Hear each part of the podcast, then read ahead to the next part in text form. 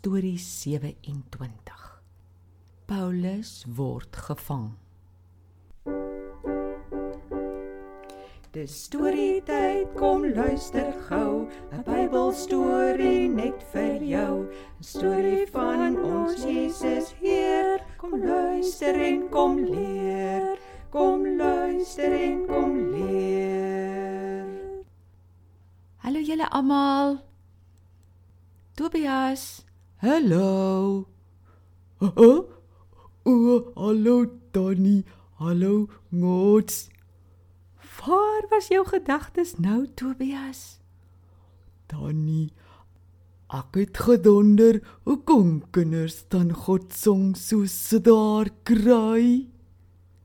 Tobias, hier op aarde is daar maar baie keer moeilikheid en swaar kry. Daarom wil ek vandag die storie vertel van Paulus wat gevang en opgesluit is. Dalk verstaan ons iets van hoe ons oor swaar kry kan dink na hierdie storie. Ek dog dan dit het so goed gegaan met Paulus. Kyk watter donderwerke het die Here alles deur hom gedoen. Paulus het eintlik baie swaar gekry. Op sy derde sendingreis het 'n paar mense vir hom gevra of hy weet hy gaan gevang word as hy in Jerusalem kom. Hy het gesê: Ja, ek weet. Maar ek sal enige iets doen vir Jesus se naam. Hulle kan my maar vang. Hulle kan my ook maar doodmaak. Sjoe, Daddy. Paulus, das regtig lief vir Jesus. Vertel dat dit gebeur. Paulus en sy vriende het in Jerusalem aangekom. Hy het na die tempel toe gegaan saam met vier mans wat vir die priesters wou gaan sê op watter dag hulle offers wou bring aan God. Na 7 dae gaan hulle toe terug tempel toe om die offers te bring. Net toe hulle in die tempel inkom, sien hulle Jode daar wat vir Paulus leer ken het op sy vorige sendingreis. Hulle het niks van hom gehou nie. Hulle vertel toe vir die mense rondom hulle: "Haai. sien julle daai ou? Oh, sy naam is Paulus. Uh weet julle wat doen hy? Hy gaan die hele wêreld vol en vertel van mense, hulle moenie ons Jode se wette volg nie." Ja, hy het sommer ons heilige tempel vuil gemaak deur heidene hier in te bring. Das dit daar. Nee, dit was nie waar nie. Hulle praat toe met al meer mense en later sê hulle: "Israeliete, kom help hier. Ons moet hierdie ou vang." Die hele stad is naderhand teen Paulus. Hulle gryp hom en sleep hom tot in die straat. Ai no, dit klink nie lekker nie. Nee, definitief nie. Die mense wou nou vir Paulus probeer doodmaak. Iemand gaan roep toe die Romeinse kommandant en hy en sy soldate hardloop vinnig na die tempel toe. Toe hulle naderkom, hou die mense darm op om vir Paulus te slaan. Die soldate maak sy hande toe vas met twee kettinge. Die mense het so deurmekaar gepraat dat die kommandant nie kon uitmaak wat gaan aan nie. Hy vat hom toe maar na die soldate se huis toe. Net voor hy ingaan, vra Paulus die kommandant of hy met die Jode kan praat. Die kommandant sê toe ja en hy praat toe met die mense in Hebreëus, hulle eie taal. Die mense bly toe doodstil en luister toe Paulus vertel hoe hy vir Jesus leer ken het. Hulle het vir 'n tyd geluister, maar toe begin skreeu een: "Wag met hom!" Almal begin saam skreeu. Hulle pluk hulle klere uit. Hulle gooi stof in die lug op. Dis 'n narheid soos hulle te kere gaan. Die kommandant vat toe vir Paulus vinnig binne in die gebou in. amper slaan die soldate toe ook nog vir Paulus, maar gelukkig keer die kommandant hulle toe. Orde Tannie, dis darm roth. Dit word toe net rowwer. Die volgende dag moes Paulus voor die Joodse raad gaan staan. Die Romeinse kommandant wou weet wat Paulus dan nou eintlik verkeerd gedoen het dat die mense so kwaad was.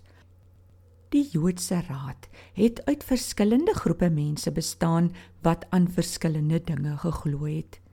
Terwyl hulle met Paulus besig was, begin hulle toe vreeslik stry met mekaar oor die dinge waaroor hulle verskil. Die bakleierery raak toe so erg dat die kommandant vir Paulus tussen hulle gaan uithaal want hy was bang hulle skeer hom uitmekaar uit. Arme Paulus. Ek verstaan nie hoe kom Tannie sê die storie gaan my help om te weet hoe om oor staar kry te dink nie. Tobias. Daai nag, toe Paulus daar in die plek van die soldate op sy kombers lê. Toe kom die Here na hom toe en sê vir hom: Paulus, hou moed. Jy het hier in Jerusalem vir mense van my vertel. Jy sal in Rome ook nog van my gaan vertel. O, oh, regtig? Onthou jy dat ek in die begin vertel het dat Paulus gesê het hy sal enigiets vir Jesus doen? Ja. Paulus het baie swaar gekry. Ek wil vir julle volgende keer vertel wat hy nog alles oorgekom het. Maar Jesus was heeltyd by hom binne in die swaar kry. Boonop het hy geweet dat die swaar kry van hierdie aarde baie kort is. Eendag gaan hy vir altyd en altyd en altyd by God in die hemel wees. Dan nie Hoe lank is altyd? Tobias, altyd hou nooit op nie. So, Paulus het die swaar gevat omdat hy geweet het wanneer die bietjie swaar verby is, gaan hy vir altyd na God toe. En hy het so hard gewerk om vir almal van Jesus te vertel omdat hy wou hê hulle moet ook vir altyd en altyd by God wees. Tannie, dis moeilik om altyd dat nooit onthou nie te verstaan. Maar ek gaan dit glo.